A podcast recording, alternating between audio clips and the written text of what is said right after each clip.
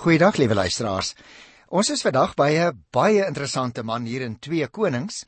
En uh, ek gaan net nou begin by die 18de hoofstuk, maar eers wil ek vir jou vertel van een van die ouens wat ek sou sê is 'n reus in die Ou Testament, naamlik koning Hizkia.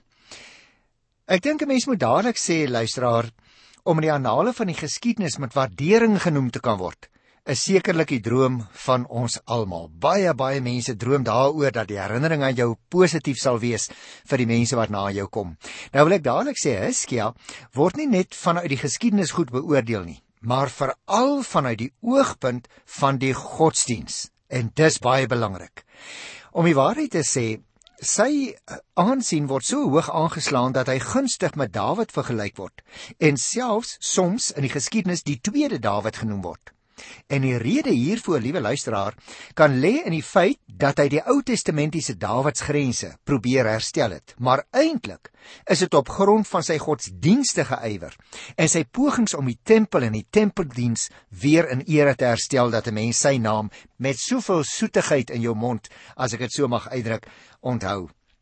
Nou in die boek Kronieke moet ons natuurlik onthou, dit sal jy al weet, val die klem natuurlik veral op sy godsdienstige hervormings en herstel van die tempel en die tempeldiens. In die boek Konings word 'n ander kenmerk van koning Hizkia beklemtoon. Daar word eintlik maar net enkele verse aan sy godsdienstige hervormings gewy. Die groot klem val op sy vroomheid en op sy vertroue op die Here juis tydens die beleg van Jerusalem. Jy sal onthou Jerusalem het geval in die jaar 586 voor Christus en toe het hierdie reus, hierdie geestelike reus, was toe op die troon in Jerusalem. Hy het hom telkens op die Here beroep, juis op die feit dat die vyand die Here belaster het. Jy sien, die hele vertelling staan in die teken van vertroue op die Here. Is dit nie wonderlik nie? Selfs wanneer die Assiriërs die soldate se moraal wil probeer afbreek, dan doen hulle dit deur die vertroue op Hiskia en op die Here te bevraagteken. maar nou ja, wanneer die wonderbaarlike verlossing van Jerusalem daarop volg, is dit 'n triomf van Hiskia se vertroue juis op die almag van die Here. En die Here alleen is God en niks en niemand anders nie. Dit sê hierdie man deurentyd. En daarom teen alle logika in het hy op die Here vertrou. En natuurlik hy is nooit teleurgestel nie want die Here stel mos nie mense te leer nie. En tog liewe luisteraar, tog is Hiskia eintlik nie 'n helde figuur nie. Hy was 'n mens met baie foute net soos jy en ek. En dis wonderlik in die Bybel dat die Here ook die geestelike reuse se foute ook laat aanteken het. Hy het byvoorbeeld ook siek geword en hy was ontsteld daaroor. Grootheidswaan het ook van tyd tot tyd by hierdie vroom Hiskia kop uitgesteek.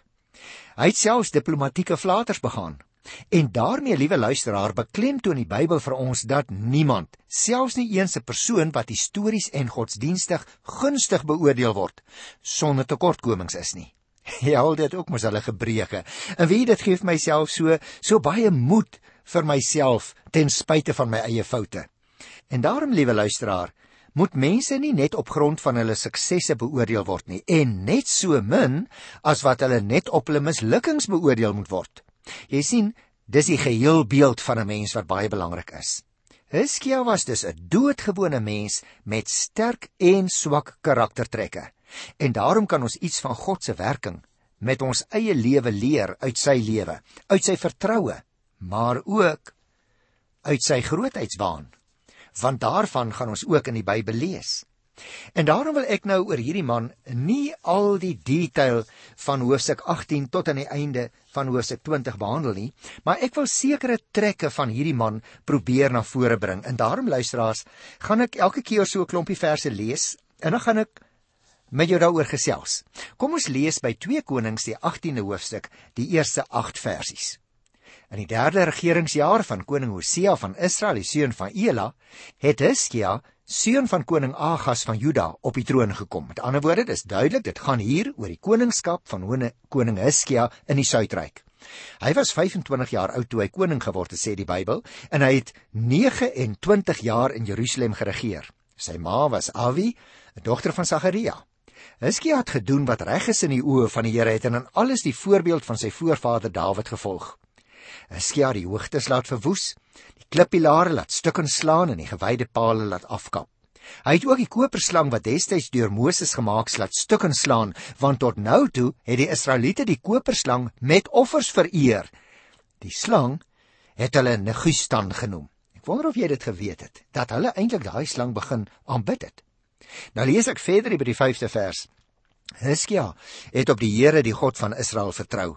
Nie een van al die konings van Juda voor of na Hiskia was soos hy nie. Hy was getrou aan die Here nie het nie van die Here af weggedraai nie. Hiskia was gehoorsaam aan die gebooie wat die Here aan Moses gegee het. Die Here was by Hiskia en Hiskia was voorspoedig in alles wat hy onderneem het. Hy het in opstand gekom teen die koning van Assirië en was nie meer aan hom onderdanig nie. Het die Filistyne verslaan en hulle verdryf, wagpos vir wagpos, vestingstad vir vestingstad, tot by Gaza en die gebied daar rondom. Nou wil ek eers 'n bietjie hieroor met jou gesels, liewe luisteraar, want ons sien hier begin die hervorming van Hiskia 'n uh, baie intensief momentum kry. Uh, ons moet ook onthou, die hervorming van Hiskia begin eintlik vroeg in sy bewind, het jy dit opgemerk uit die Bybel? Dit het in die begin nie politieke oogmerke gehad nie en was nie teen die Assiriese godsdiens simbole gemik nie. Die doel van hierdie hervormings was die suiwering van die godsdiens deur die hoogtes en ander kanonitiese aanbiddingsvoorwerpe en praktyke wat nog gedateer het uit die tyd van Agas te verwyder. Die koperslang van Moses, ons het nou gesien die Bybel noem hom Negustan, het die mense gesê, wat destyds die Israeliete van slangbyt genees het. Onthou jy nog die verhaal? Ons het dit daar behandel in Numeri 21 van die 4de vers af. Die slang het nou intussen 'n voorwerp van verering geword en hy word ook vernietig ten spyte van die historiese waarde van die koperslang. Dit dien juis as 'n waarskuwing dat iets wat nie so bedoel was nie, tog maklik tot afgod kan word. Dis mos in jou en my lewe ook so nie waar nie. Veral 'n saak wat in die tradisie veranker is.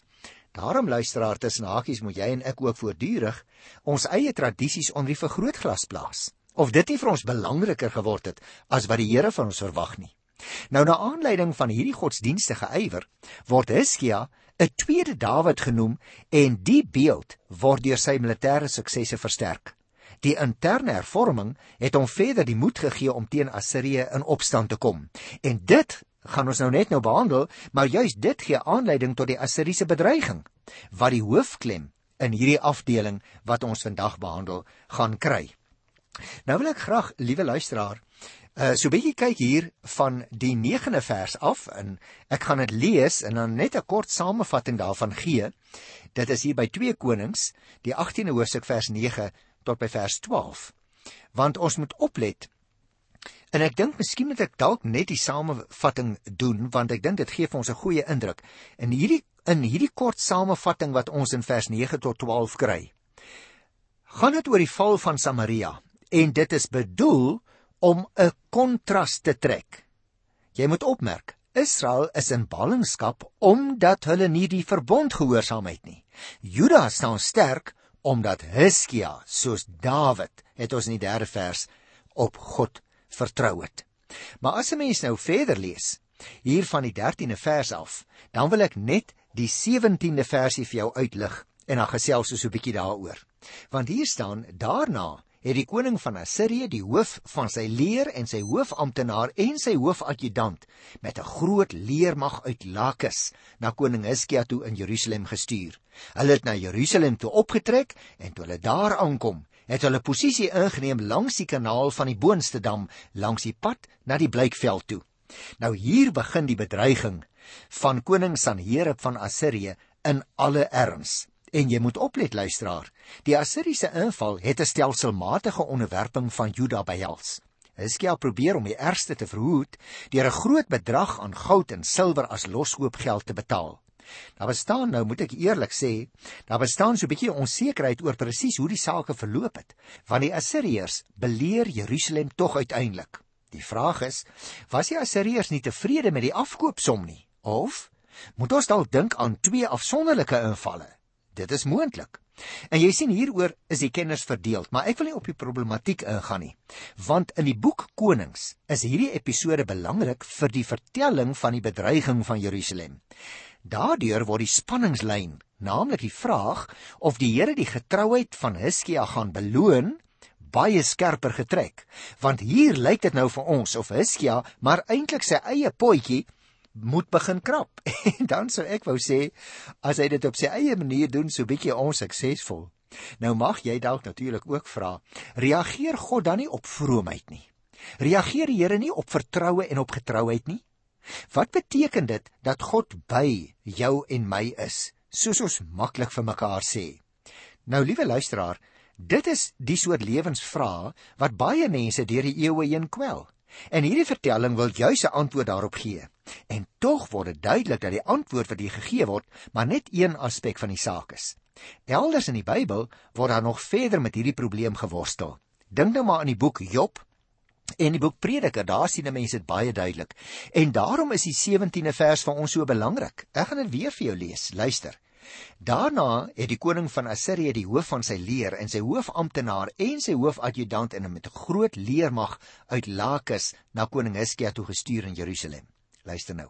Hulle het na Jerusalem toe opgetrek en toe hulle daar aankom, het hulle posisie ingeneem langs die kanaal van die boonste dam, langs die pad na die Blykveld toe.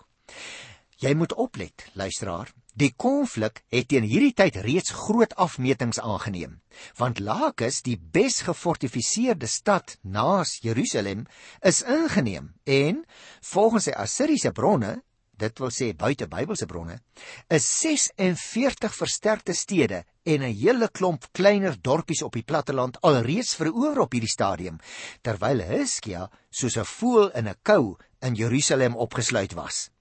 En daarom Die volgende klompie verse hier van 18 tot 25 gaan ek nou net weer vir jou die storie vertel. Want die eerste poging wat hulle dan aanwend om Jerusalem tot oorgawe te dwing, is soos ook die daaropvolgendes, nie militêr nie van aard. Dit moet jy oplet.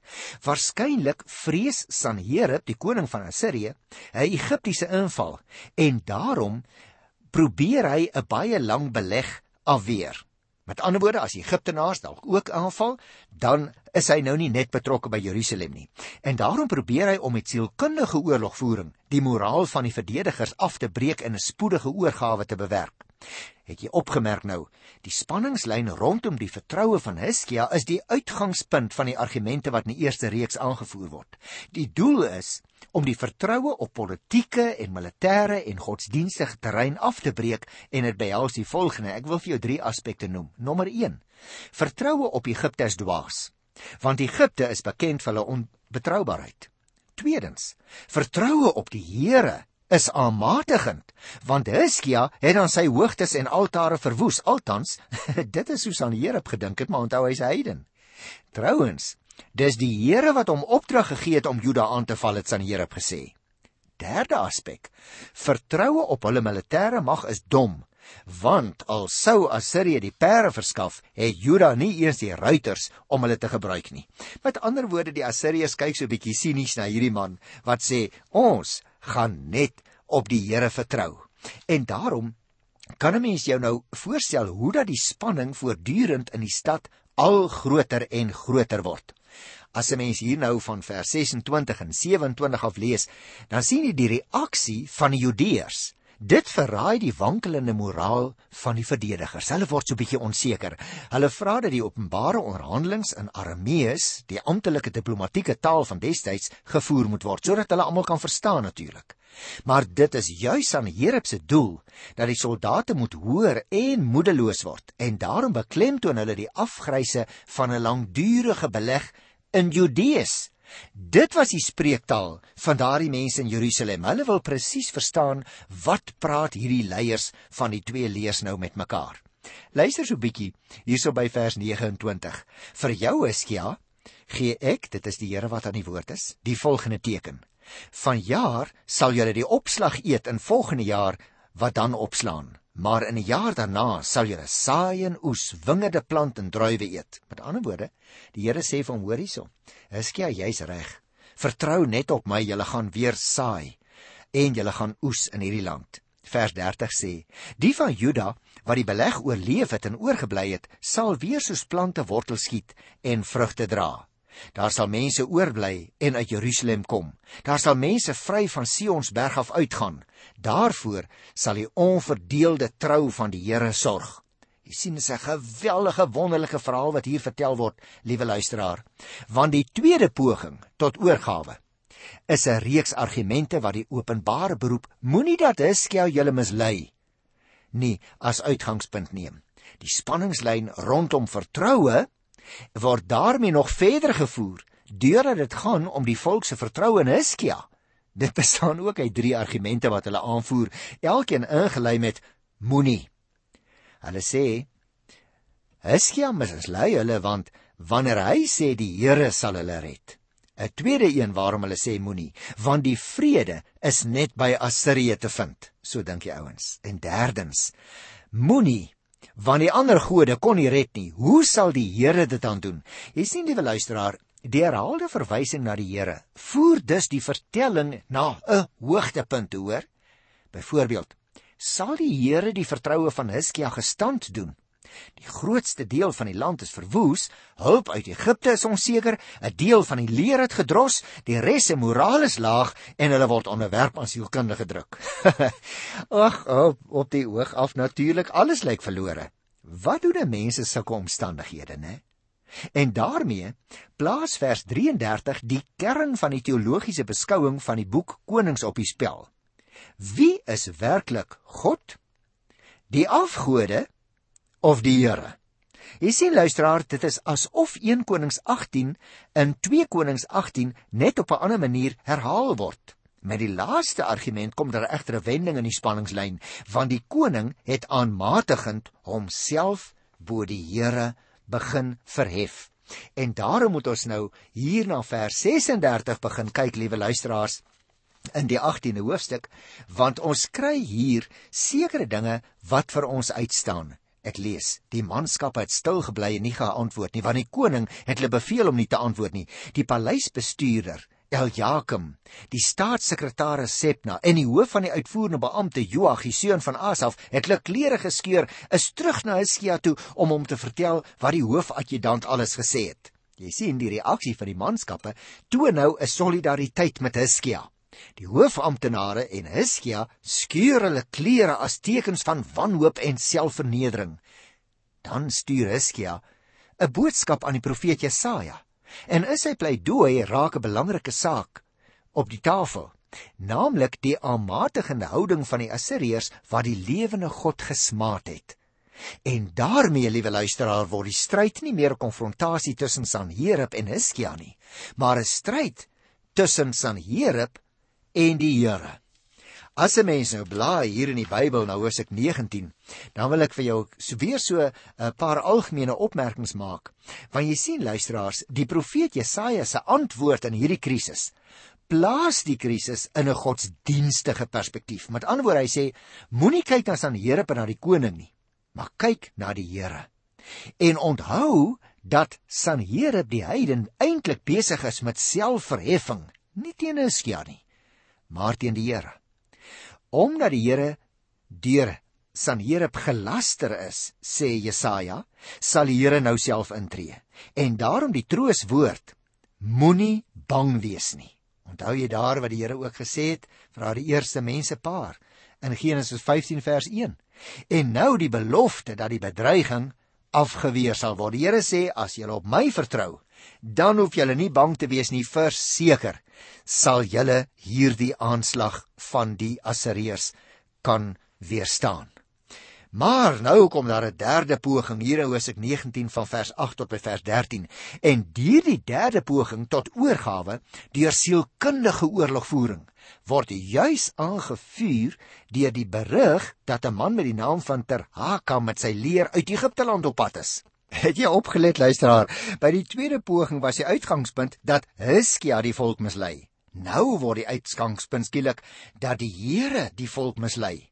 Dis 'n direkte aanval op die Here en 'n poging om die vertroue in God te probeer ondermyn. Die kernsaak is natuurlik wie beskik nou oor die mag? Die Here of Sanherib?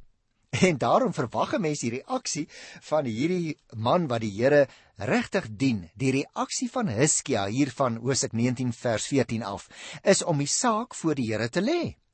En hy doen dit op 'n baie aanskoulike manier, naamlik om die briewe hier staan voor die Here oop te sprei, so asof hy wil hê dat die Here self moet lees wat aan Here geskryf het en dan bid hy tot die Here.